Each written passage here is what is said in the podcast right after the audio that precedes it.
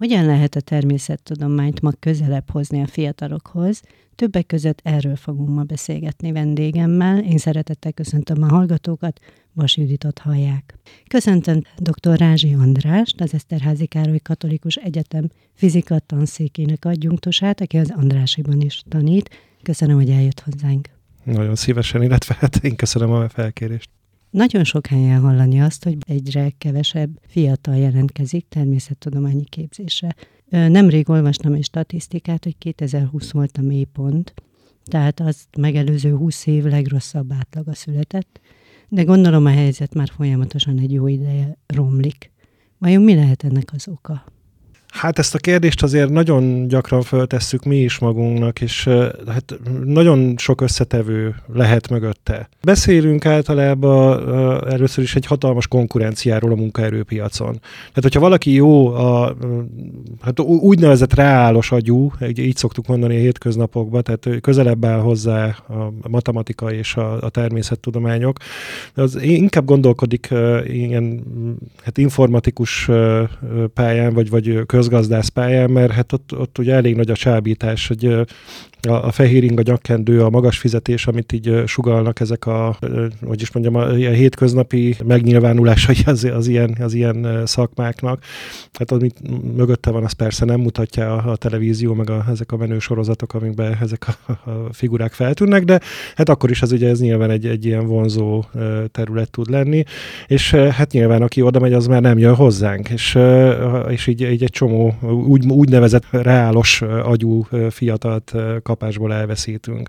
Hát a másik pedig az nyilván, hogyha ha a természettudományokról beszélünk, akkor nagyon sokaknak megjelenik egy ilyen kép, hogy van valahol egy elefántcsontorony, ahol, ahol vannak fehér köpenybe öltözött furcsa hajú, furcsa, furcsán kinézetű emberek, akik fura szavakkal beszélgetnek, és, és hát e-, ezek nyilván nagyon okosak, nyilván hát nem is keresnek túl jól valószínűleg, de, de nagyon okosak, nagyon elvontak, és hát én nem akarok olyan lenni. Hát ugye ide nehéz is bekerülni, meg nem is akarok bekerülni, pedig hát, ezek közül nagyjából egyik sem igaz. Ezt azért lássuk be, hogy hát magam is természettudományokkal foglalkozom, nem tudom mennyire tűnök furcsának, ez, vagy erről azért lehet vitatkozni természetesen, de közel sem egy elérhetetlen életútról beszélünk, és én nem gondolom azt, hogy, hogy különösebb agykapacitást igényel, ez csak szeretni kell, és, és akkor már is egy, egy csodálatos életút, amit kínálni tudnánk, vagy tudunk. Igen, meg nagyon sok múlik a pedagóguson, azért is örülök, hogy ön van itt, mert középiskolában is tanít, de majd a módszereire rátérünk, mert ez, amit most mondunk, hogy csökkenő a tendencia, az is csökken, hogy a gyerekek egyáltalán fenntartják az érdeklődésüket, tehát ez olyan felsőben elvész valahol. Kevesebben érdeklődnek már a reáltantárgyak iránt gimiben, középiskolában, de erről majd beszélünk. Igen. Most arról szeretném még kérdezni, hogy az Eszterházi Károly Egyetem, ha jól tudom, öt egyetemmel összefogva, elindítja a Z szakot, és ez Európában egyedülálló. Pontosan mit jelent ez az szak? Maga az észak az egy általános természettudományos pedagógus szakma, pedagógus szak, egy tanárszak, és az a különlegessége, hogy általában ugye minden tanár kettő szakirányt választ magának, hogy földrajz mellé egy biológiát, vagy egy matekot, vagy, vagy népszerű párosítások, ugye a matek fizika, vagy angol-magyar, hát ugye ez mindenki tudja, mindenki ismeri ugye ezeket a, a dolgokat, vagy, vagy a, a furcsák ugye elmennek biológia magyarra, de ugye egy, egy, egy természet. Egy matekének. Egy matekének, igen, de vannak ezek létező dolgok szerencsére. Nagyon kedvelem az ilyen sokszínű embereket. De uh, visszatérve, hogy az éjszak uh, az egy egyszakos, tehát egy olyan, olyan képzés, ahol, ahol nem kell szakpárt választani, mert uh, itt mindent tanul a, az illető hallgató a pedagógia mellett, tehát ugyanúgy elvégzi a pedagógia alapképzést, mint az összes többi tanárszakos, csak mellette tanulja az alaptermészettudományokat, nevezetesen földrajzot, biológiát, kémiát és fizikát, és végeredményben ő egy olyan diplomát kap, amivel az általános iskolába hogy az integrális integrált természettudományokat taníthatja, hogyha az adott intézmény úgy dönt, hogy, hogy integrálja ezeket a, a tantárgyakat. Hangsúlyozom még egyszer, hogy mindez általános iskolában használható. Ezen kívül ugye a középiskolákban van az úgynevezett komplex természettudomány, kötelező természettudomány, mint tantárgy, az szakközépiskolásoknak van, illetve azoknak a gimnazistáknak, akik nem választanak olyan fakultációt maguknak, ami valamilyen természettudományhoz köthető, kémia, biológia vagy fizika, akkor őnekik is egy évet kell tanulni ezt a KTT-t, mi ezt csak így rövidítjük, és ez az éjszakos tanár ezt is taníthatja. De hogyha az iskola úgy dönt, az általános iskola, hogy, hogy nem integrálja a természettudományokat, akkor az éjszakos kolléga az taníthatja akár a biológiát, akár a fizikát, akár a kémiát, amire éppen szükség van az adott suliban. Hatékony ez ön szerint? Hatékony segítség lehet?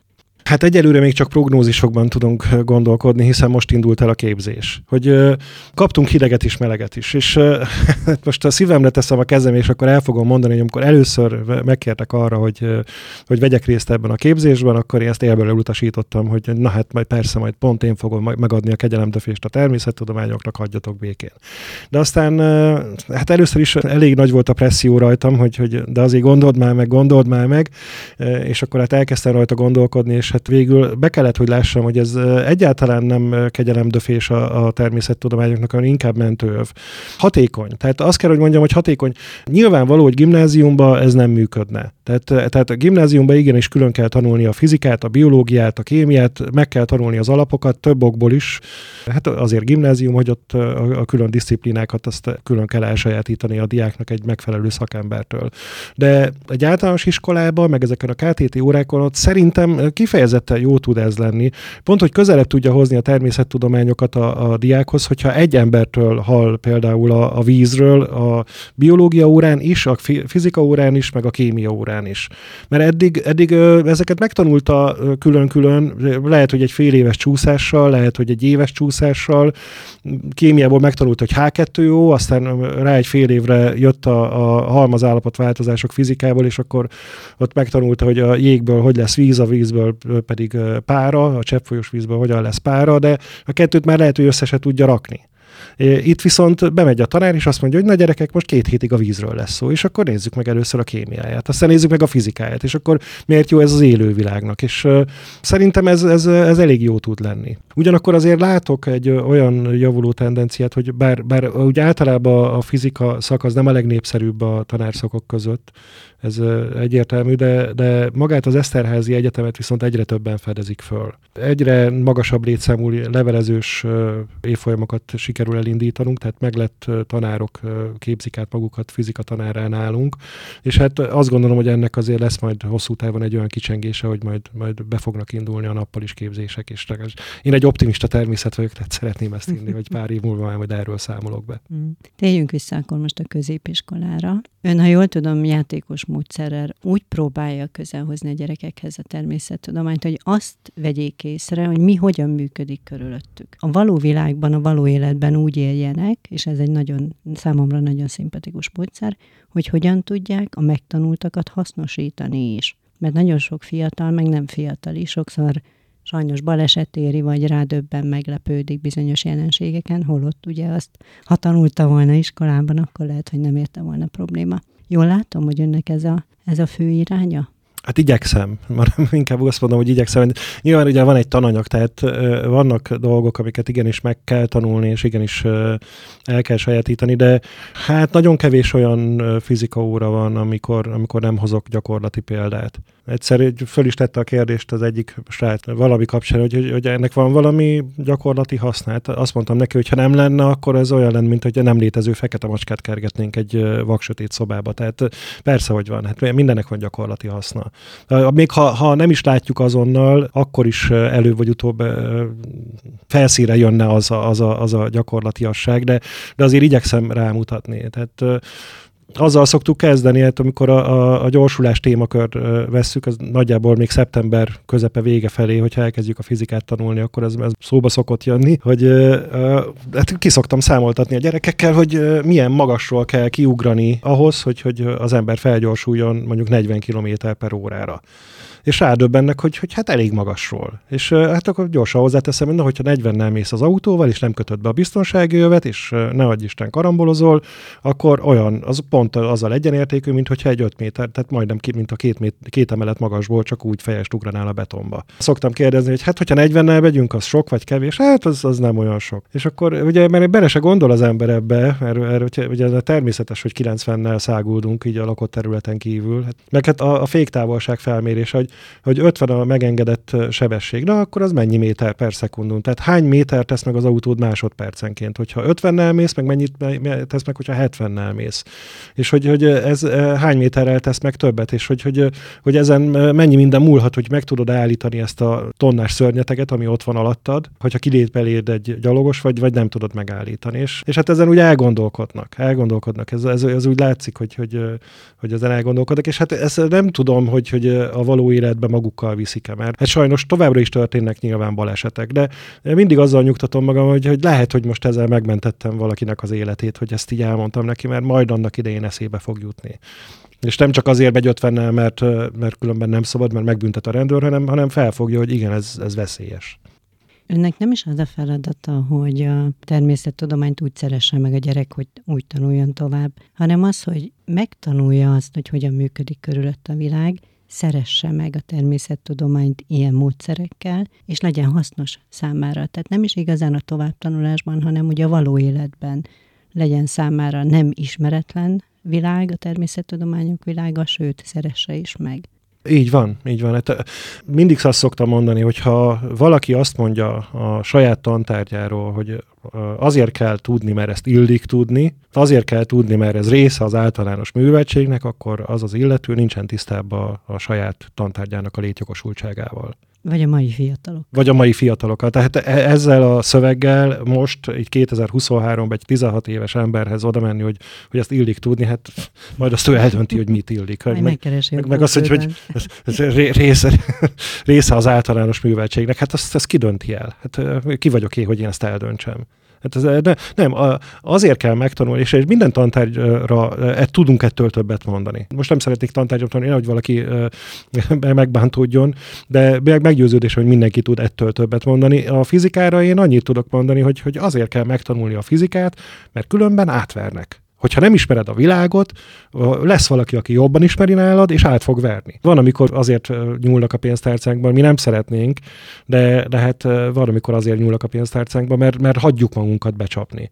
Ez egy nagyon jó példa volt erre, hogy nem olyan rég Németországban a új generációs mobiltelefonok által kibocsátott elektromágneses sugárzás ellen egy medált árult egy, egy valaki, fölismerte a piaci részt, tehát nem, ő maga nem, nyilván nem hitte el, hogy ez, hogy, hogy ez bármit javít a helyzet, hogy az ember nyakába akasztja. Tehát, hogyha valaki odafigyelt fizikórán, tudhatja, hogy az elektromágneses hullámok nem úgy működnek.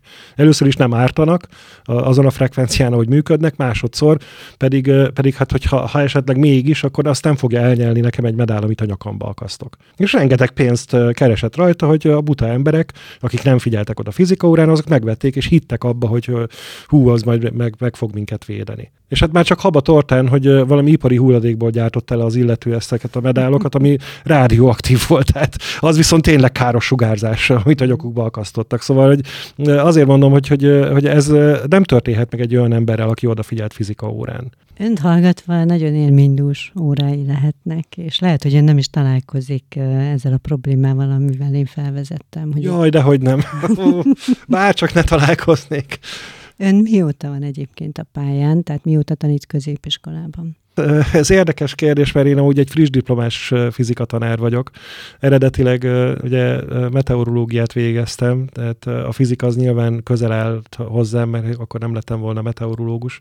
Ezt is sokan összekeverik, egy más területre szokták egy besorolni, de hát a meteorológia az gyakorlatilag légkörfizika, hogyha úgy tetszik és úgy tevékenykedtem, és hát az Eszterházin, egy, egy Eszterházi Egyetemen már, már több mint tíz éve tevékenykedek, ott is mindenféle kutatásokba és oktatási tevékenységbe vettem részt, de, de hát magával a, a módszertannal, azzal, azzal úgy nagyjából olyan tíz éve kezdtem el foglalkozni, és magával a fizika szakmódszertannal azzal pedig kb. hat éve és hát nagyjából öt éve próbálgatom magamat egy, egy középiskolába. Szóval itt most a, a, nyilván a kedves hallgatók azt a választ várták, hogy, hogy új, én már nagyon több évtizedes tapasztalatokkal rendelkező tanárok, és de lehet, hogy most tettem magam teljesen hiteltelenné, de hát talán az életben hozott így tapasztalatok, amiket be tudok vinni a fizika órára, lehet, hogy vannak annyira hasznosak, mint hogyha több évtizedet el tudtam volna tölteni a pályán. Nem, nem biztos, hogy ezt gondolják, hogy hiteltelen, hanem azt, hogy ja, hát ő még friss, ő még még friss pedagógus. Igen, még, még, még lelkes, még nem égtem ki. Hát a sötét múltamnak egy másik darabja az, hogy ugye szakácsként tevékenykedtem, és hát maga az ételkészítés is tulajdonképpen kémia és fizika. Hát hogyha ugye a hőközlés, meg a, a vegyi összetétel megváltoztatása azáltal, hogy sózunk. Ez is egy olyan dolog, hogy, hogy ha besózom a húst, és akkor, akkor mit tudom én, vagy, vagy valamit besózok, és akkor megpuhul. És hát ugye ez csak egy ilyen tapasztalati úton el lehet ideig jutni, de hogyha tudjuk, hogy, hogy mi van mögötte, milyen fizika vagy kémia van mögötte, akkor, akkor az ember sokkal több ö, dolgot tud megkonstruálni a saját konyhájába. Jó, de akkor meg kell lenni ugye önmagunkban eleve a kíváncsiságnak, hogy de miért? De mi? Így van, így van. Hát a, a, na, nagyon fontos dolgot mondott. Az egyik legfontosabb tulajdonság, szerintem, ami, a, ami, ami minket kiemelt egyáltalán az állatvilágból, az a kíváncsiság. Tehát ha az ember nem lenne kíváncsi természet, akkor, akkor még lehet, hogy még mindig a fán lennénk. Mert hát nem érdekelt volna, hogy mi van odalent.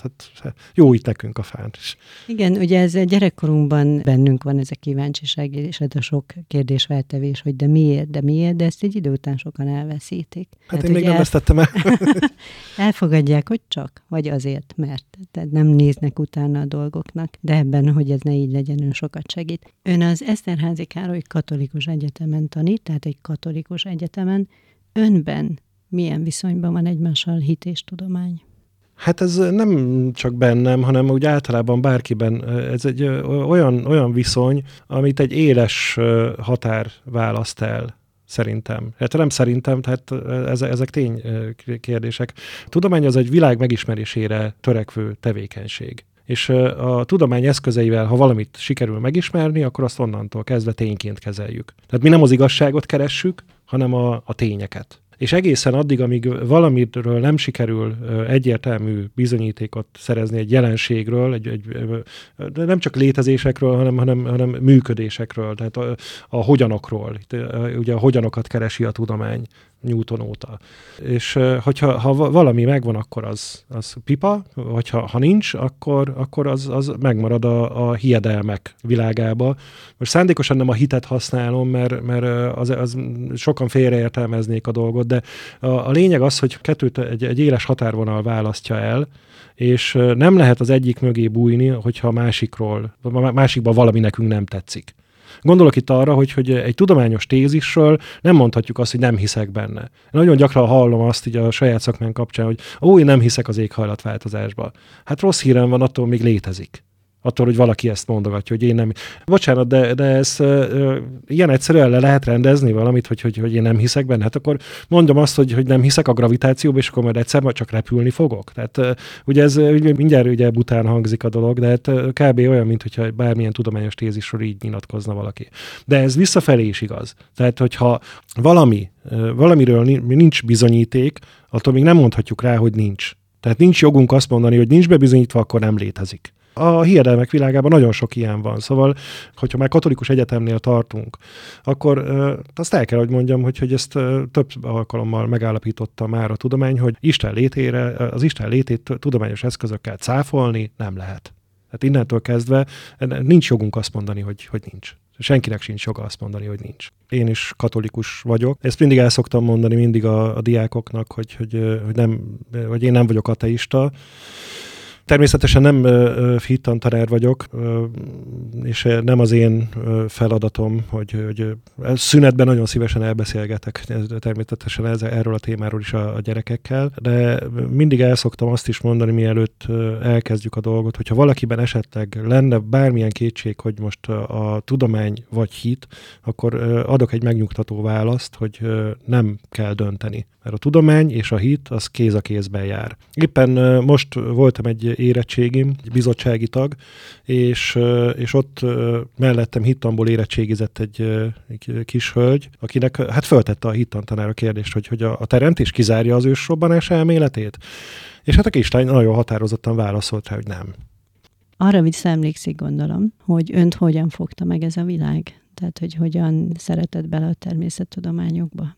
Hú, nehéz visszafejteni ilyenkor, mert ugye, ugye nagyon összetett dologról beszélünk, és de, de nagyon nehéz ezt, ezt így, így, így visszafejteni. Hát már gyerekkorom óta foglalkoztatott a dolog. Emlékszem egy könyvre, emlékszem egy könyvre, ami, ami azóta is úgy, úgy látom egy-két könyves polcon, de, de, de nem született új kiadás, pedig szerintem a gyerekeknek a kezébe kéne adni. Az volt a címe, hogy Ég és Föld, és uh, ilyen meteorológiáról, csillagászatról és geológiáról volt benne szó. Ráadásul hát ugye kérdések könyve, szóval, hogyha miért, hát le, leírtak magát a kérdést is, amit, amit a gyerekek uh, úgy, úgy föltesznek maguktól is. És uh, szerintem arra így emlékszem, hogy gyerekkoromban én nagyon csúnyán írtam, azóta is csúnyán írok, csak most már nem érdekel, de hogy, de hogy uh, sokat kellett gyakorolni, és akkor így, hát ugye leemeltem ezt a könyvet, és akkor mondtam, hogy jó, hát ha már gyakorolni kell, akkor ebből másolok, mert, mert ez legalább érdekel. És akkor így, így sokat megtanultam, és nagyon büszke voltam magamra, hogy már így 12 évesen fel tudtam sorolni a légkör rétegződését, hogy troposzféra, stratoszféra, mezoszféra, termoszféra, és hogy ezzel ezzel, vagánykodtam így annak idején. Hát ez, ugye, hát nem, nem, nem egy... Ez érdekesen hogy akkor hogyan jutottunk el a szakács művészetig, de ez már egy másik beszélgetés. Hát az, a szakács művészetig nem jutottunk el, a szakács szakmáig jutottunk el, amit elég gyorsan, amit elég gyorsan túl is léptem, tehát az, mm. hát őszintén szólva nem szerettem uh, tanulni nem szerettem, tudni jobban szeretek, mint tanulni, és, és, és akkor az olyan egyszerűbbnek tűnt. Amikor... Ez ma is így van. Ö, igen, igen. Ez, mm. És kicsit végig meg kell gondolni. Nem, most már rájöttem, hogy megéri uh, ugye a, a tanulás folyamata, azért, hogy az ember végén, végén tud, még akkor is, hogyha ez lemondásokkal jár, de hát kamasz gyerekként ugye úgy voltam, hogy, hogy van egy út, amikor, amikor sokat kell tanulni, és akkor abból lesz valami, meg van egy másik út, amikor nem kell olyan sokat tanulni, és abból is lesz valami. És hát végül is mind a kettőből ugye el lehet lenni, mind a kettővel lehet élni. Hát akkor egyszerűbb megtanulni egy szakmát, és akkor, akkor hagyjuk a csodába az iskolát, tanuljunk meg milyen hamarabb egy szakmát, és akkor elmegyek, keresek pénzt, és akkor majd leszek menő szakács, és akkor hű, de jó lesz nekem. Hát ez egy darabig működött, de aztán azt hiszem, hogy nagyjából két hétig voltam szakács, amikor rájöttem, hogy az nem lesz az én életutam, csak hát ugye akkor már nem nagyon volt választásom, és hát egy jó darabig maradtam a szakmában, de, de aztán, aztán, aztán úgy döntöttem, hogy na, hát sosem késő, inkább mégiscsak tanulok. Önök táborokat is szerveznek az egyetemen, ha jól Igen. tudom. Ezek milyen témakörökre épülnek? Hát az imént említett könyvnek a címét, akkor most úgy fog tűnni, mintha én ezt lenyúltam volna, de ezt a kifejezést, hogy ég és föld, ezt gyakran használjuk, és tényleg nem a könyvre utalt, de a legutóbbinak pont ez volt a címe, és hát nyilván természettudományoknak a népszerűsítéséről szól. De hát volt már, hogy, hogy megint visszautaljak a sötét múltam egy darabjára, volt már, amikor a gasztronómián keresztül próbáltuk népszerűsíteni a, a természet tudományokat, sőt készítettünk ilyen sorozatot is, ilyen videósorozatot is, ami szintén így hasonló tematikával próbálta, de hogy visszautalva táborra, hát ugye nyilván gyerekkorba kell megfogni a, az embereket, hogy, hogy erre a pályára csábítsuk, és hát általában ez sikeres is. Az oké, okay, hogy természettudományok iránt keltik fel az érdeklődést, de nyilván más, mint egy tanóra. Milyen foglalkozások zajlanak? Mi ez a felkeltés pontosan? Hogy hogyan zajlik? kivisszük őket terepre. Itt ugye nincsenek olyan kötöttségeink egy ilyen tábor alatt, mint az iskolában vannak. Hát ugye van egy tanmenet, ami jó vagy, vagy nem jó, hát az, arról lehet vitatkozni, de az óra az akkor is 45 percig tart. kijön énekóráról, és mielőtt elmegy matematika órára, addig megkapom 45 percig azt a 30 fiatalt, hogy fizikát tanítsak nekik, és hát ott ugye, ugye 45 percig van rá lehetőségem, hogy okos legyek, vagy, vagy valamit kezdjek velük, vagy magunkkal. Itt, itt azért egy tábor alkalmával azért más lehetőségek vannak. Ott eleve kötetlenebb a hangulat. Nem azért jönnek oda, hogy tanuljanak. A kis, kis mesügék elhiszik, hogy, hogy ők azért jöttek oda, hogy, hogy szórakozzanak, pedig hát tanulni jöttek, csak ők még nem tudják. Tehát, Regények még nyáron is. é, persze, persze. Hát nem, ez most elnézést a kifejezésért, de hogy Szóval a lényeg, hogy, hogy, hogy persze, hogy tanulni. Játszva tanulni. Hát igen, igen.